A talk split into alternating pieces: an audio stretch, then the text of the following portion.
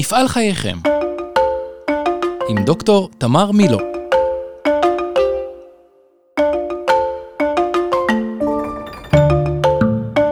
שלום לכולם, אני תמר מילו וזה ההמשך של הפודקאסט שלנו על עסקים משפחתיים ואיתי נמצא אילון פנחס, שלום אילון. היי תמר. אילון, אתה רוצה להגיד אה, שתי מילים על אה, מה אתה עושה ומה הקשר שלך לכל הדבר הזה? כן, אני המייסד והשותף המנהל של קרן לגאסי שמתמחה בהשקעה לטווח ארוך בעסקים משפחתיים פה בישראל. היום אנחנו משוחחים עם דוב הלפרן, המייסד של חברת המחשוב HMS, שבחר באפשרות של המשכיות בין-דורית. כלומר, מעבר דורי בתוך המשפחה. ואנחנו מתארחים במשרדו של דוב ב-HMS. לדוב יש אישה ורדה ושלושה ילדים בוגרים. הבן מיקי מנהל את העסק העיקרי של המשפחה, חברת HMS, וחוץ ממנו יש שתי בנות בוגרות, נועה וסופי, שנכסי המשפחה שייכים גם להן. אז אה, אולי נתחיל דוב, תספר לנו קצת על העסקים, איך הם נולדו, אה, במה הם עוסקים, מי מנהל אותם היום, ככה שקצת נדע במה המדובר. אז קודם כל, קבוצה שאנחנו קוראים לזה HMS, אלפרין יועצים, זה גוף שהקמתי לפני 30 שנה, אה, שמתמחה, הייתי אומר, במערכות מידע למגזר הפיננסי בעיקר, היום כבר לא, אבל משם התחלנו לאורך השנים, כשאומרים מערכות מידע למגזר הפיננסי, אז אנחנו מדברים על המערכות ה-heavy duty, ש... שבאמצעותם הבנקים פועלים, חברות הביטוח פועלות, חברות שוק ההון, כרטיסי אשראי וכן הלאה, ממש מערכות, חדרי המכונות אנחנו קוראים לזה, של כל התעשייה הפיננסית, כי בתעשייה הפיננסית המחשוב זה בעצם פרמטר עיקרי, זה קו הייצור, ולכן אה, באמת זה מסלול ארוך שהיום אנחנו נחשבים לאחת החברות המובילות, הקבוצה שלנו כוללת 450 עובדים. היום כמובן זה לא רק מגזר הפיננסי, היום גם אנחנו פועלים בממשלה, אבל גם הרבה פעמים בתחומים שקשורים לדברים האלה, והחברה התפתחה יפה מאוד בשלושת העשורים האחרונים. מתי הקמת אותה? הקמתי אותה 1992, זאת אומרת עוד מעט אנחנו חוגגים 31 שנה. שנה.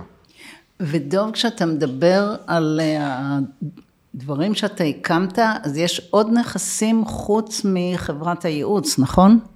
כן, במשך השנים, מה שעשיתי זה, איך אומרים, לפצל סיכונים, אז את הרווחים מחברות הייעוץ השקעתי גם בנדל"ן, ובסך הכל יש לנו היום גם פעילות נדל"נית מכובדת. יחסית פסיבית, אבל מכובדת מאוד. אני חושבת שזה גם מאוד אופייני למייסד אה, לחשוב הרבה על הנושא של ההמשכיות בניהול, ופחות על ההמשכיות בבעלות.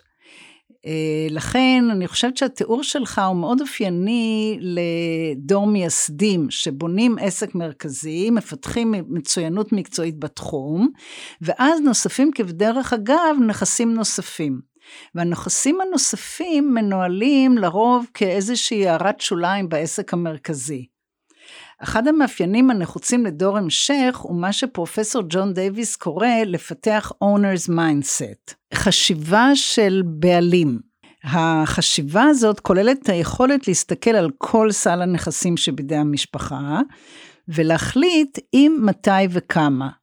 וזאת כבר שאלה של בעלים, והיא לא קשורה ביכולת המקצועית הספציפית שהמייסדים פיתחו.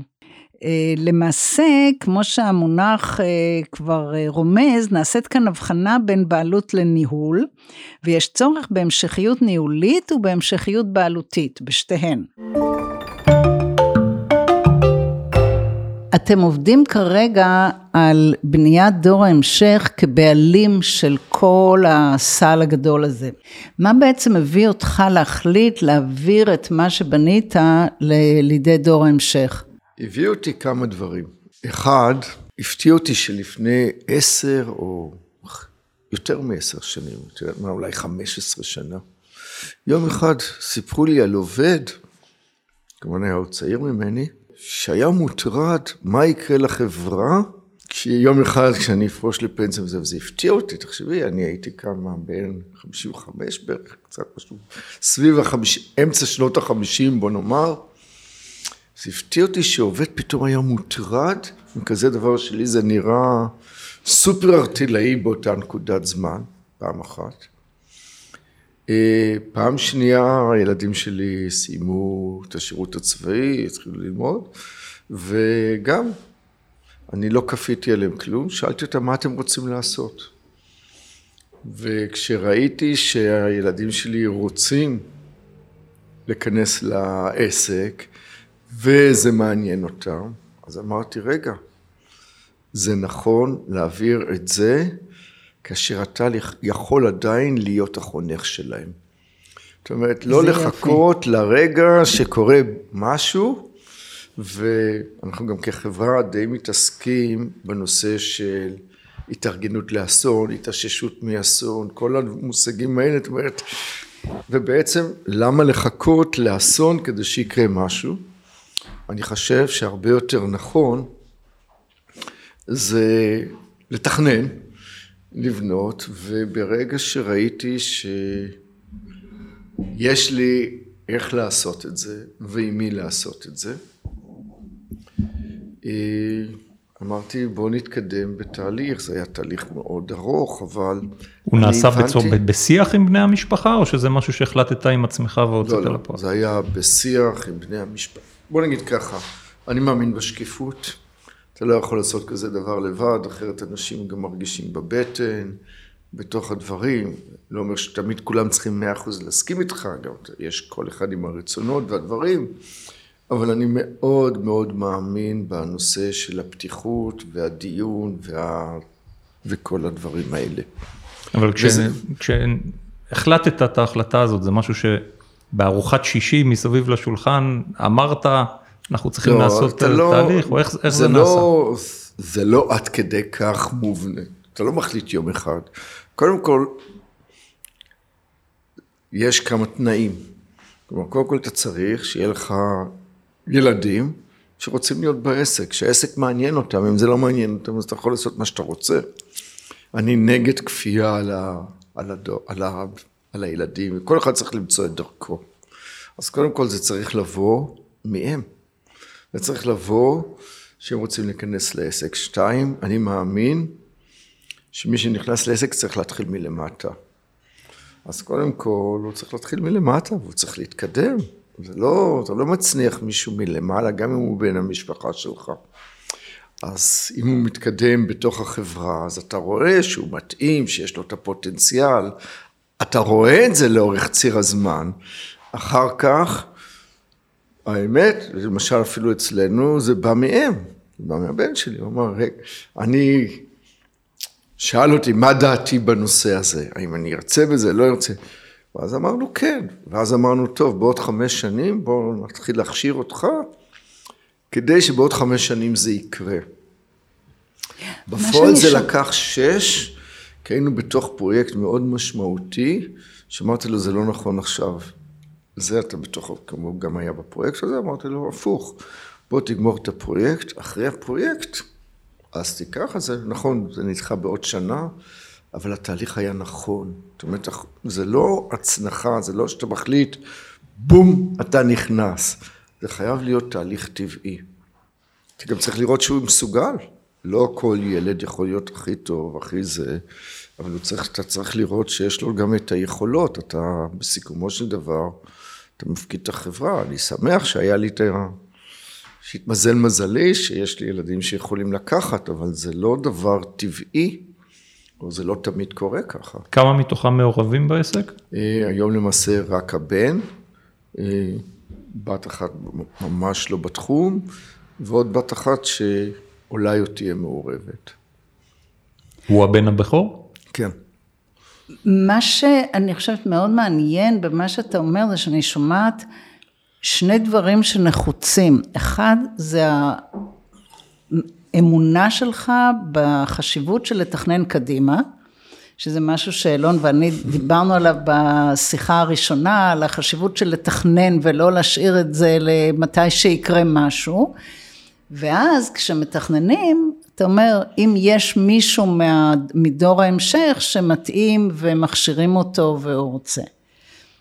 התכנון, חד ש... משמעית, כן. התכנון שאנחנו מדברים עליו, שאתה מדבר עליו, זה משהו שבא לך מתוך אינטואיציה או מתוך האינטואיציה הניהולית משפחתית שלך, או שקראת על זה איפשהו, שמעת, התייעצת עם אנשים אני אחרים? חושב שקודם כל זה בא לי מתוך האינטואיציה. בוא נזכור, אני בתחומים של תהליכי עבודה, של מבנים ארגוניים, זאת אומרת, זה קרוב לעיסוק המקצועי שלי גם בדברים האלה.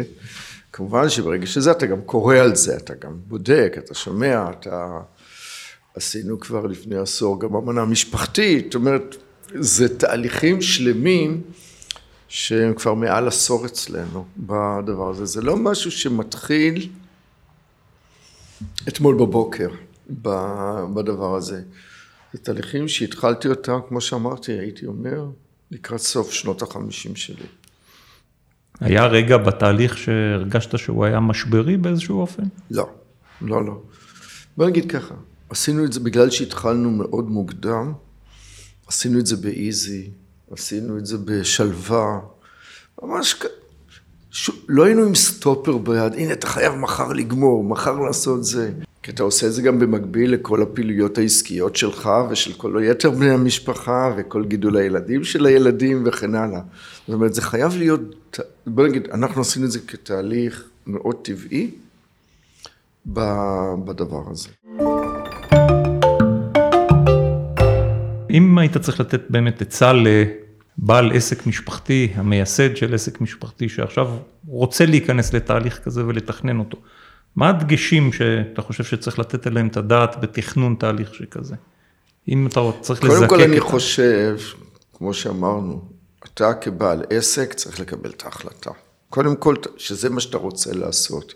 אתה צריך להבין שההחלטה הזאת יכולה להימשך, היא לא החלטה לשנה-שנתיים. מהרגע שהחלטנו שהבן שלי ייכנס לתפקיד מנכ"ל, לקח שש שנים.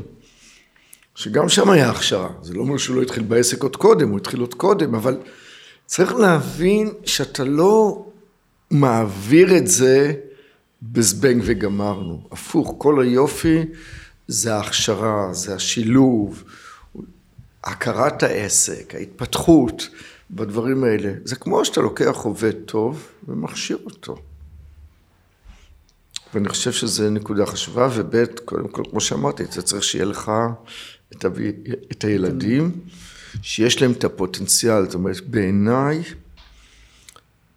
תנאי א', זה שקודם כל, אני מאמין שהחברה צריכה להתנהל נכון.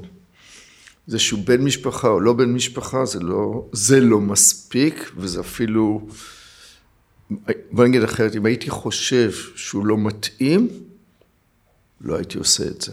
זאת אומרת, זה חייב להיות, גם שאני מאמין שהוא המנהל הנכון, במקרה שלי אפילו אני אמרתי עוד קודם, שלדעתי הוא מנהל עוד יותר טוב ממני, אני אולי איש מקצוע יותר טוב, אבל אני, הוא כמנהל יותר טוב, אחד, ושתיים, הרצון של הילד ילדים להיות בעסק ולקחת את הפיקוד הזה.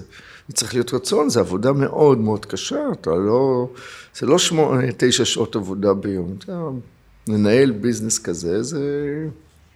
זה אופרציה. זה אופרציה, זה אחריות, זה... הקמתם דירקטוריון? בוודאי. שיושב, בוודאי. מי יושב בו? כל המשפחה. כל שתי הבנות האחרות. אני, אני, אשתי ושתי הבנות האחרות, ובנינו תהליך מאוד מסודר, כאילו אנחנו חברה ציבורית. זאת אומרת, דיווחים לדירקטוריון, הצגת דוחות כספיים. אנחנו מחקים תהליך של חברה ציבורית. זאת אומרת שאתה לא רק מכשיר את הבן להיות המנכ"ל, אתה גם מכשיר את שאר המשפחה להיות בעלים. חד משמעית, חד משמעית, זה לא פחות חשוב, אולי זה, לא אגיד יותר חשוב, כי קודם כל אתה צריך את האלף, אבל זה אחרת, מחר בבוקר, כשהוא ירצה לעשות איזושהי השקעה גדולה, או חס וחלילה איזה פרויקט שהוא יפסיד, או לא יודע מה. אנשים צריכים להבין את הביזנס. אתם צריכים להבין את הסיכונים שיש בביזנס. אין, אין, אין ביזנס בלי סיכונים. מי שלא מסתכן לא מתקדם. אז הם צריכים להבין, הם צריכים לראות.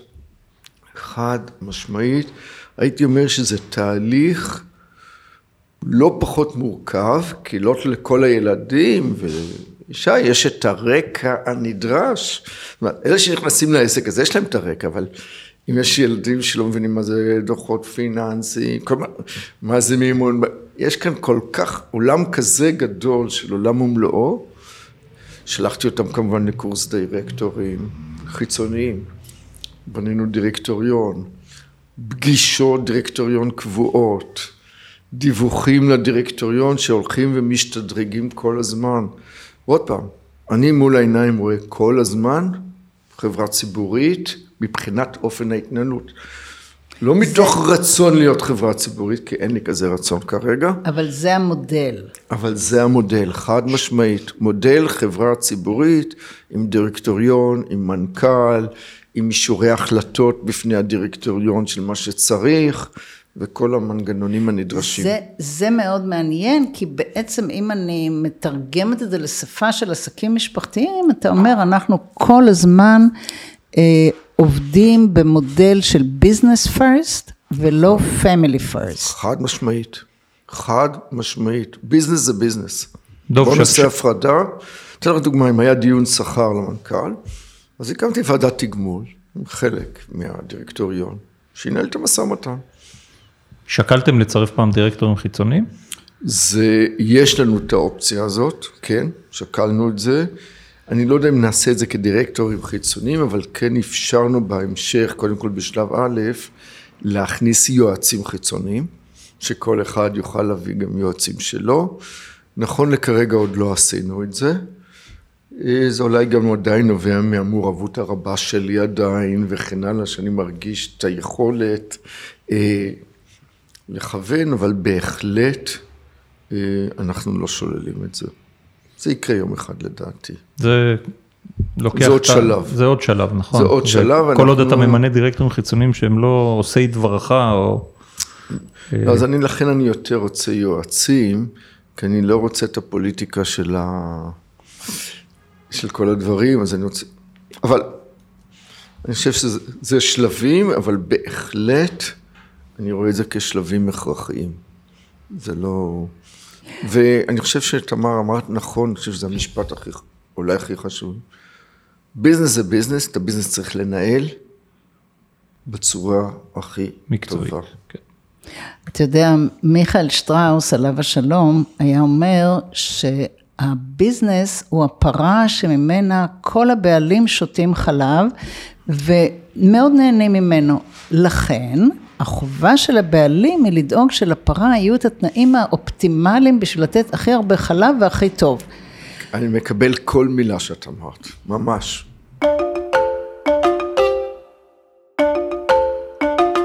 ציינת קודם שהטריגר לתהליך היה שאחד העובדים ככה... אני לא יודע אם זה היה טריגר, זה היה הזעזוע הראשוני שלי. דבר נוסף, באמת לא אמרתי, שבשלב מסוים גם הבנתי שגם הבנקאים כל שאנחנו נזקקים למימון בנקאי, מסתכלים אחרת על חברה שהבעלים הולך ומתבגר, ומה יהיה עם ההמשכיות, ומה יהיה עם הדברים האלה. ועוד פעם, מאחר וגם פה זה תחומים שאנחנו מעורבים בהם, מודלים של דירוג אשראי וכל הדברים, אז אני, גם זה הבנתי שגם העולם החיצון מסתכל עליך ורוצה לראות, או כשאתה עושה שת"פים עם גופים בינלאומיים וכן הלאה, אז גם הם רוצים לראות שהגוף שאיתם הם הולכים הוא גוף לטווח ארוך. אנחנו תמיד, מהיום הראשון שבניתי את החברה, אמרתי שאני רץ מרתון. אני לא רץ לריצות קצרות.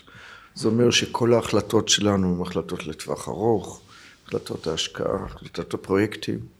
זה אחד היתרונות של חברה משפחתית. היא יכולה להסתכל קדימה לטווח ארוך, לבנות את עצמה בהתאם, לתכנן בהתאם ולהתקדם. אנחנו לא זקוקים רק להסתכלות. לדוח איך, הרבעוני. לדוח הרבעוני הזה. ואיך תאמין. העובדים הוותיקים קיבלו את זה? שבאמת נכנסתם לתהליך כזה של תכנון ושל הכשרה ושל...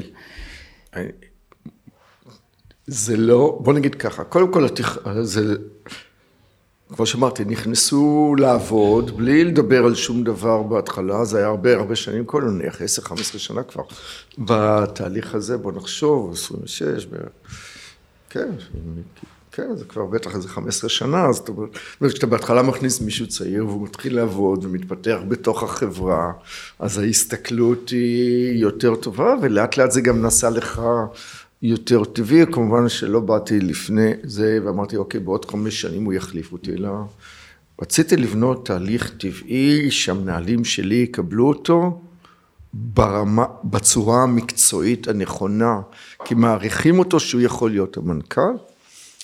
אני יכול לומר שכשהמהלך בוצע, רוב העובדים, למעט אחד-אחת, אה, קיבלו את זה בצורה הייתי אומר, הרוב קיבלו את זה מאוד טוב.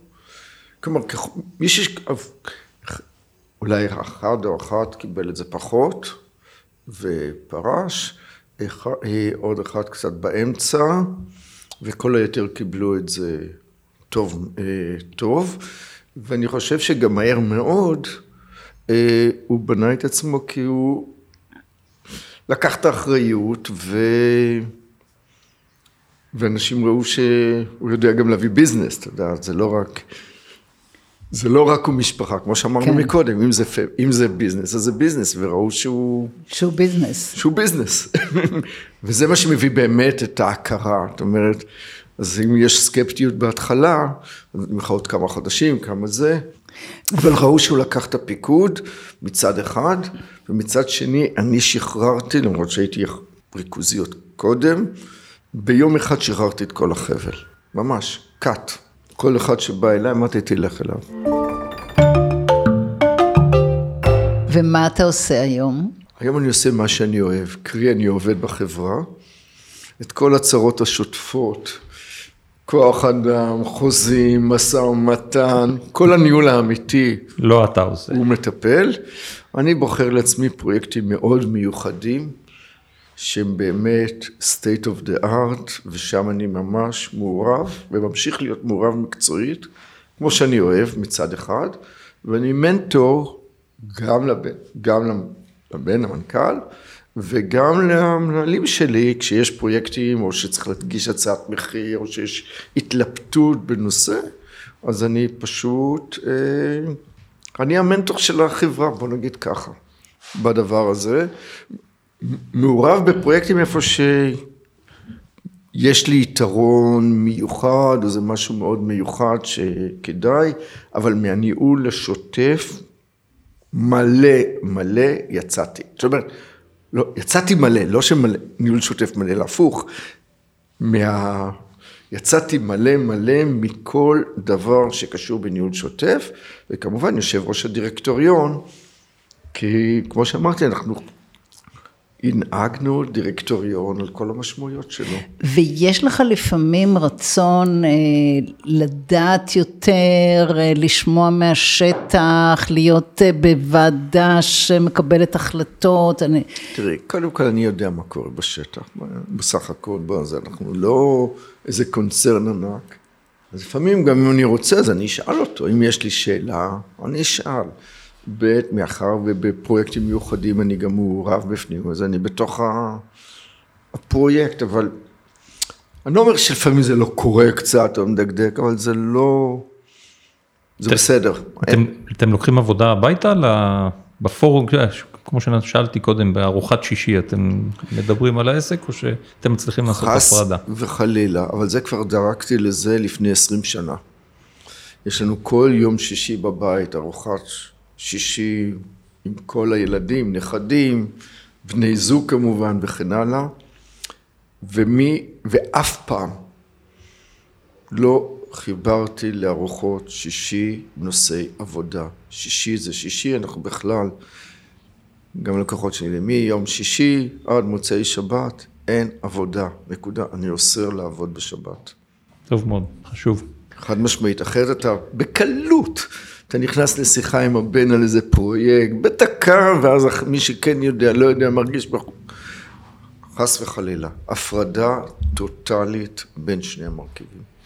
סיפרתי לך קודם, דיברנו על זה לפני שהתחלנו את ההקלטה, על אה, אותו דוגמה של בעל עסק, אה, איש בן 80 שלא מצליח לשחרר כלום ל, ל, לש, ל, לילדים שלו שמעוניינים להמשיך בעסק. איזה עצה טובה היית יכול לתת לבעלים שהקים עסק, עסק משפחתי, ולא מצליח לשחרר?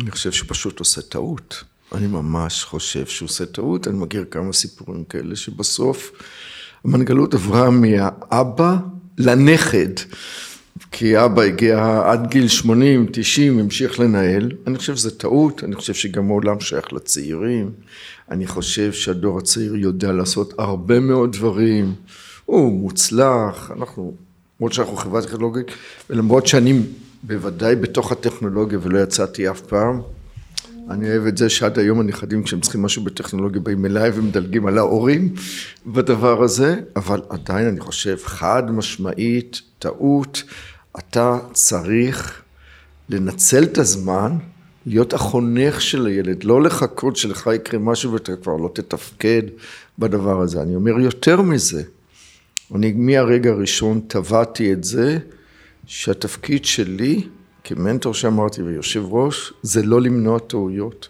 כי כדי למנוע טעויות אני צריך לנהל את הכל לבד. התפקיד שלי זה רק דבר אחד, למנוע קטסטרופות. את הטעויות הוא צריך לעשות לבד, הוא ילמד. כולנו לומדים רק מטעויות. מי שלא, מי שלא עושה לא טועה, נכון? זה נכון. הפתגם העממי. אנחנו צריכים רק לוודא ולבנות את המנגנונים, אותו דבר גם בדירקטוריון. לבנות את המנגנונים שהמנכ"ל יכול לעבוד חופשי, אבל בטווח רחב מאוד, אבל עם לימיטים מסוימים, בתוך הסיכון, שהחברה מוכנה לקחת, המשפחה מוכנה לקחת וכן הלאה. באותה מידה יש לי הגדרות גם מה זה רמת סיכון שאנחנו כמשפחה מוכנים לקחת. אבל אני חושבת שהקושי של אנשים לשחרר קשור בפחד להיות לא רלוונטי. חד משמעית. ואני שואלת את עצמי, איך אתה, איך אתה הצלחת לשמור על הרלוונטיות? כי אני ממשיך להיות מעורב, אבל אני מעורב לא בניהול, אני מעורב בצד המקצועי, אז אני מעורב. אני ממשיך להיות מעורב, וב' תראי, זה, יש לי דוגמאות טובות, ואני לא אקוף כמובן בשמות ודברים, כמו שאת אמרת שמפחדים לא לשחרר כדי לא להיות רלוונטי. אה, אני לשמחתי לא שם, אני מרגיש רלוונטי גם היום. אני גם חושב שאתה כתפקיד יו"ר, כמו בכל, כמו דיברנו מקודם על חברות ציבוריות, יש מנכ"ל ויש יו"ר. יו"ר יש לו הרבה מה לעשות. מדיניות, אתה יכול לעזור בפיתוח עסקי, יש מה לעשות, זה לא... זה לא הכל או לא כלום בדבר הזה, והפוך, זה שיכולים לבוא אליך ולהתייעץ איתך, ואתה אומר את דעתך, ואתה רואה שהעסק מתפתח, אני מאוד שמח שבתקופה של הבן שלי, שזה עוד מעט שש שנים מאז שהוא החליף אותי, החברה יותר מהכפילה את עצמה. זה סימן טוב, סימן שבנ... שבנינו נכון, שאנחנו עובדים נכון. מאז שעשית את העברת המקל, יש לך יותר זמן לעשות דברים אחרים שפעם רצית לעשות ולא יכולת? לא. תחביבים? לא, אני. עובד אותו דבר. או, אתה יודע מה, עבדתי 16 שעות ביממה, אז עכשיו אני עובד 14 או 12, אבל אני אף פעם לא הייתי אדם של התשע שעות עבודה בדבר הזה. זה לא אומר שאני לא מתי... כן, אני אגיד לך איפה. במובן של חופשות. לפני שהעברתי את המקל, לא הרשיתי לעצמי לצאת לחופשה בארץ או בחו"ל מעל עשרה ימים. במשך שלושים שנה לא יצאתי לחופשות ארוכות. היום, כן, אני מרשה לעצמי. כשאני בארץ, אני עובד, מה, זה לא מפריע לי. אני בין כה וכה כאן. אני בכל וכה כאן, בדיוק. אבל היום אני מרשה לעצמי, כן, לצאת לחופשות של שבועיים, שלושה, כי אני יודע שבשוטף... הכל מטופל. הכל מטופל, אני רגוע. זה כן. אז זה ההבדל הגדול יותר. אז... היכולת לצאת לחופשה, נכון, היכולת אולי גם להגיע בבוקר לפעמים בימים מסוימים קצת יותר מאוחר, אבל, אבל לא, לא מעבר לזה. מתוך כוונה להעביר מסר לאנשים שישמעו את הפודקאסט הזה, היית אומר ש... אחרי שעשית את העברת המקל שנשמעת כמוצלחת מאוד, איכות החיים שלך השתפרה? קודם כל כן, בהגדרה. אתה לא, אתה פחות מוטרד, לא יעזור. ברגע שאין עליך שוטף של הבוקר בדבר הזה, ושוטף של ניהול חברה ממש, אז כמובן שאתה קצת יותר רגוע וכן הלאה. ב', אני אומר עוד פעם, גם חופשות. אני, בוא נגיד ככה, אני אף פעם לא התלוננתי על איכות חיים קודם, אז אני לא יכול להגיד זה, אבל באופן, אם אתה בודק תיאורטית, פר... זה, אז התשובה שלי תהיה כן. יש, יש עוד פסגות שאתה רוצה להגיע אליהם, עוד אתגרים בנושא הזה של אה, המשכיות בין דורית וניהול המעבר הבין דורי, יש עוד פסגות שאתה רוצה להגיע כן, אליהן? אני חושב שבצד, אה, בצד אחד אה, עדיין יש את התחומים האחרים, קודם הזכרתי את תחומי הנדל"ן וכן הלאה, ששם אנחנו בשלב הרבה יותר ראשוני בת, בתהליך הזה. כי גם אצלנו זה היה כל הזמן נושא יותר פסיבי, זה לא היה נושא של נדל"ן אקטיבי וכן הלאה, אז אני חושב ששם עוד יש לנו הרבה מה לעשות. אה, כן, בהחלט, ועוד פעם, דיברנו על מגזר אחד, נכון שהוא המנוע הצמיחה, הדבר העיקרי, אבל אני חושב שכן, יש עוד בהחלט מה לעשות. לא, תראי, זה דברים שאף פעם לא נגמרים. כל עוד כן. אנחנו חיים, אנחנו רוצים לשאוף קדימה ולעשות עוד, נכון? לפחות אם אתה יזם באופי, כן. אז אתה לא יכול להגיד, אוקיי, מחר אני שיניתי את האופי שלי בדבר הזה. אז, אבל אם, אז לכן אני לא יכול להגיד, לתת תשובה אחרת. ובין בני המשפחה, אתה דיברת על ההצלחה של להכניס את הבן שלך כמנכ"ל, אתה מרגיש שבתוך ה... קבוצת אחים אה, יש או היו מתחים, היו קשיים אה, שאתה עזרת לפתור אותם או לא עזרת, נפתרו, לא נפתרו, אני לא יודעת. תראי, מעצם העובדה שבסוף יש מנכ"ל אחד לחברה מובילה, אז יש בעיה מסוימת, אז יש, יש בעיה מסוימת. אי אפשר להגיד טוטאלית לא. בדבר הזה. כן, אני מנסה לעזור לפתור, ואני מנסה לבנות גם את הפתרונות החלופיים, כדי שכל אחד ימצא את עצמו. בהחלט כן. למרות שכל אחד ימצא את עצמו, למרות שהעיקרון של ביזנס פרסט, אמרת, הוא, הוא קדוש. התנאי, הוא קדוש. הוא קדוש. זה לא בהכרח ימצא את עצמו בחברה. ימצא את עצמו בפעילות הנדל"נית, ימצא את עצמו בעוד דברים, אולי כן בחברה, אבל הקריטריון תמיד צריך להיות השניים. אחד, זה מה שהילד רוצה לעשות, שתיים, זה מה שהילד מתאים לו לעשות. תמיד שני הקריטריונים האלה. והראשון הוא המוביל, כי אתה קודם כל רוצה שהוא יעשה מה שהוא אוהב, לא משום סיבה אחרת. אני מאמין בכלל שכשאדם עובד במה שהוא אוהב, הכל מצליח יותר. זה מה שאני מאמין באופן כללי. זה עיקרון נכון. מה שאמרת מביא אותי למחשבה שפיתוח כלל נכסי המשפחה ולא רק העסק המרכזי, יכול להוות גם הזדמנות עבור אלו מבני המשפחה שאינם בתחום המחשוב. נכדים כבר uh, בגיל ש... לא, הנכד הגדול שלי הוא בן 14. אז עוד לא.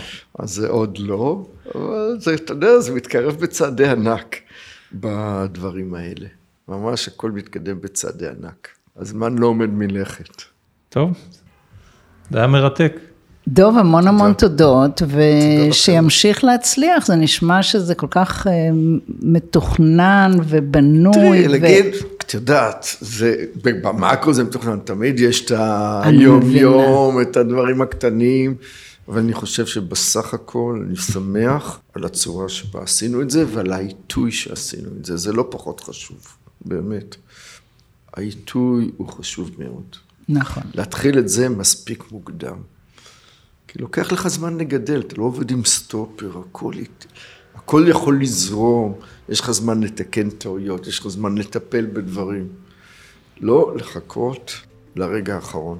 אני חושבת שזה מאוד מצוין. נכון. אתה יודע, אה, לפני הרבה שנים אה, עשיתי איזה סמינר לבני דור המשך, והיו שם איזה 30 אה, חבר'ה מעסקים שונים. והתחלנו בזה שכל אחד פתח וסיפר מי הוא ומאיזה משפחה הוא ומאיזה עסק. והיו שם שלושה או ארבעה שבאו מעסקים שבהם האבא נפטר בפתאומיות, והמשפחה עברה שנה או יותר של כאוס מוחלט עד שהם הצליחו להתארגן. ועד... ואחרי ששמעו את החוויות של השלושה חבר'ה האלה, כבר לא היה צריך להסביר למה אנחנו צריכים את הסמינר, זאת אומרת, זה פשוט עמד מול העיניים והיה ברור שהאלטרנטיבה היא איומה. נכון, חד משמעית. שלא, שלא נהיה שם, חס וחלילה. כן. אז המון תודות. הרבה תודה. תודה לכם. והמשך הצלחה כמובן. תודה. מפעל חייכם עם דוקטור תמר מילו. הספר מפעל חייכם לשמור על שגשוג ויחסים טובים בעסק המשפחתי, עכשיו בכל חנויות הספרים. עוד מידע וכלים שימושיים תוכלו למצוא באתר דורות עסקים משפחתיים בכתובת דורות.ביז.